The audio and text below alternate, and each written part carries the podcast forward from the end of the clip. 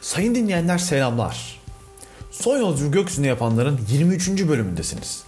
Bu bölümde belki gelecekteki uçuş kurallarını ve tasarımları etkileyen bir kazayı anlatacağım sizlere. Bu kaza 9 Mayıs 2012 Sukhoi Superjet kazası. Uçuşlarda genellikle en tehlikeli anlar iniş için işte yaklaşma safhasıdır. Suat Usta ve Kadir Dönmez'in Hava Trafik Kontrol Kaynaklı Uçuş Kazaları incelenmesi isimli makalesinde de geçtiği gibi uçakların %32'si yaklaşma, %15'i iniş, %12'si de ilk tırmanışta kaza yapmıştır. Bu demek oluyor ki uçaklar kalkışta ve inişte daha yüksek oranda tehlikelidir. Şimdi bu sizlere hemen korkutmasın. Zaten bu podcast'i e, dinliyorsanız uçmaktan korkmadığınızı düşünerek rahatça konuşuyorum. Tabii ben de özellikle uçak kalkarken ve alçalırken korkup gözleri kapatanlardanım. Sukhoi Superjet kazasında da tam bu istatistiğin söylediği gibi olmuştu. Sizlere biraz Sukhoi Superjet'ten bahsedeyim. Uçağın tam adı Sukhoi Superjet 100.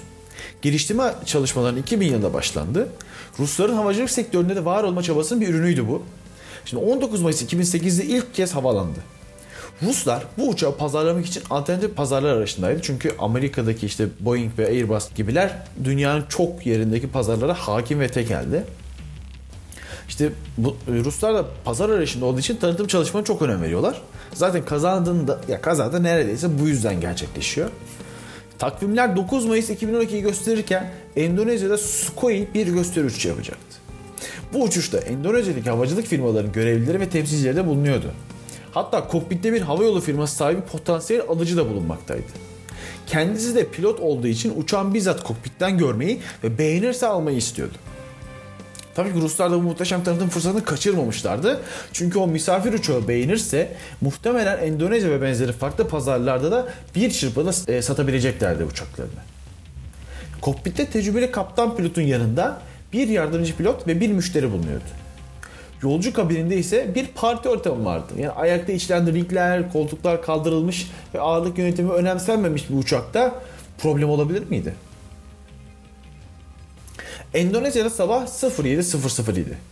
Uçakta 3'ü kokpitte olmak üzere toplam 45 kişi bulunuyordu. Uçak kalkışı sorunsuz şekilde geçmişti. Kaptan pilot kokpitteki potansiyel büyük müşteriye uçağın sınırlarını göstermek için biraz fazla odaklanmıştı.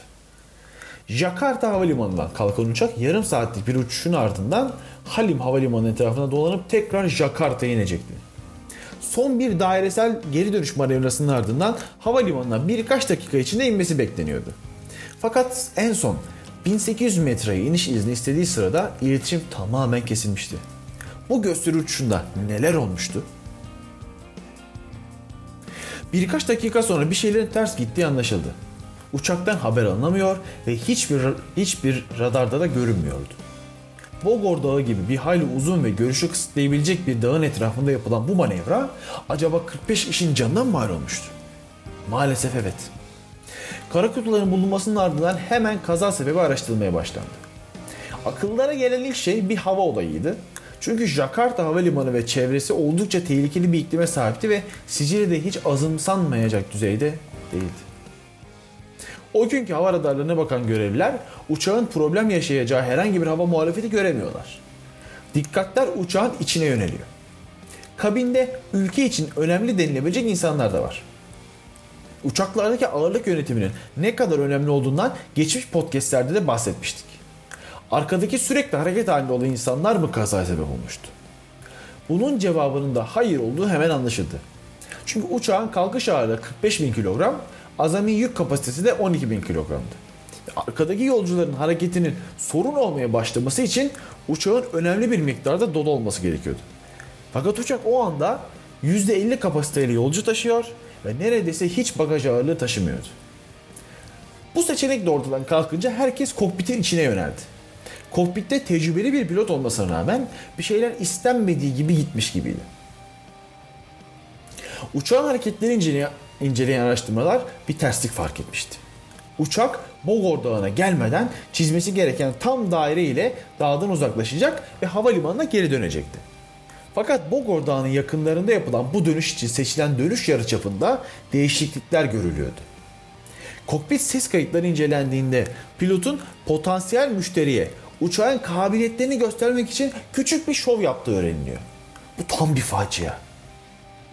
Bunun sonucunda zaten sisli olan havada uçuş dönüş yarıçapının sonradan değiştirilmesiyle uçağın gittiği yönün fa- farkındalığı kaybolmuş.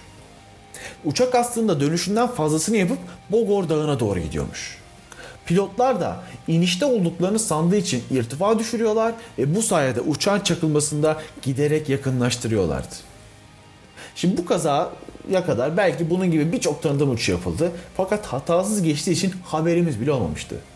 Fakat bu uçuştan alınan derslerden biri de her ne olursa olsun kokpite uçuş esnasında kimsenin alınmama kuralının uygulanmasının ne kadar hayati olduğunun anlaşılması oldu. Evet havacılık merakları. Sizlere bu bölümde de ilginç bulduğum bir uçak kazasını aktardım. Son yolcu gökyüzüne yapan 45 kişiye buradan selam olsun diyelim. Sizlere de saygılar ve sevgilerimi iletiyorum sayın dinleyenler.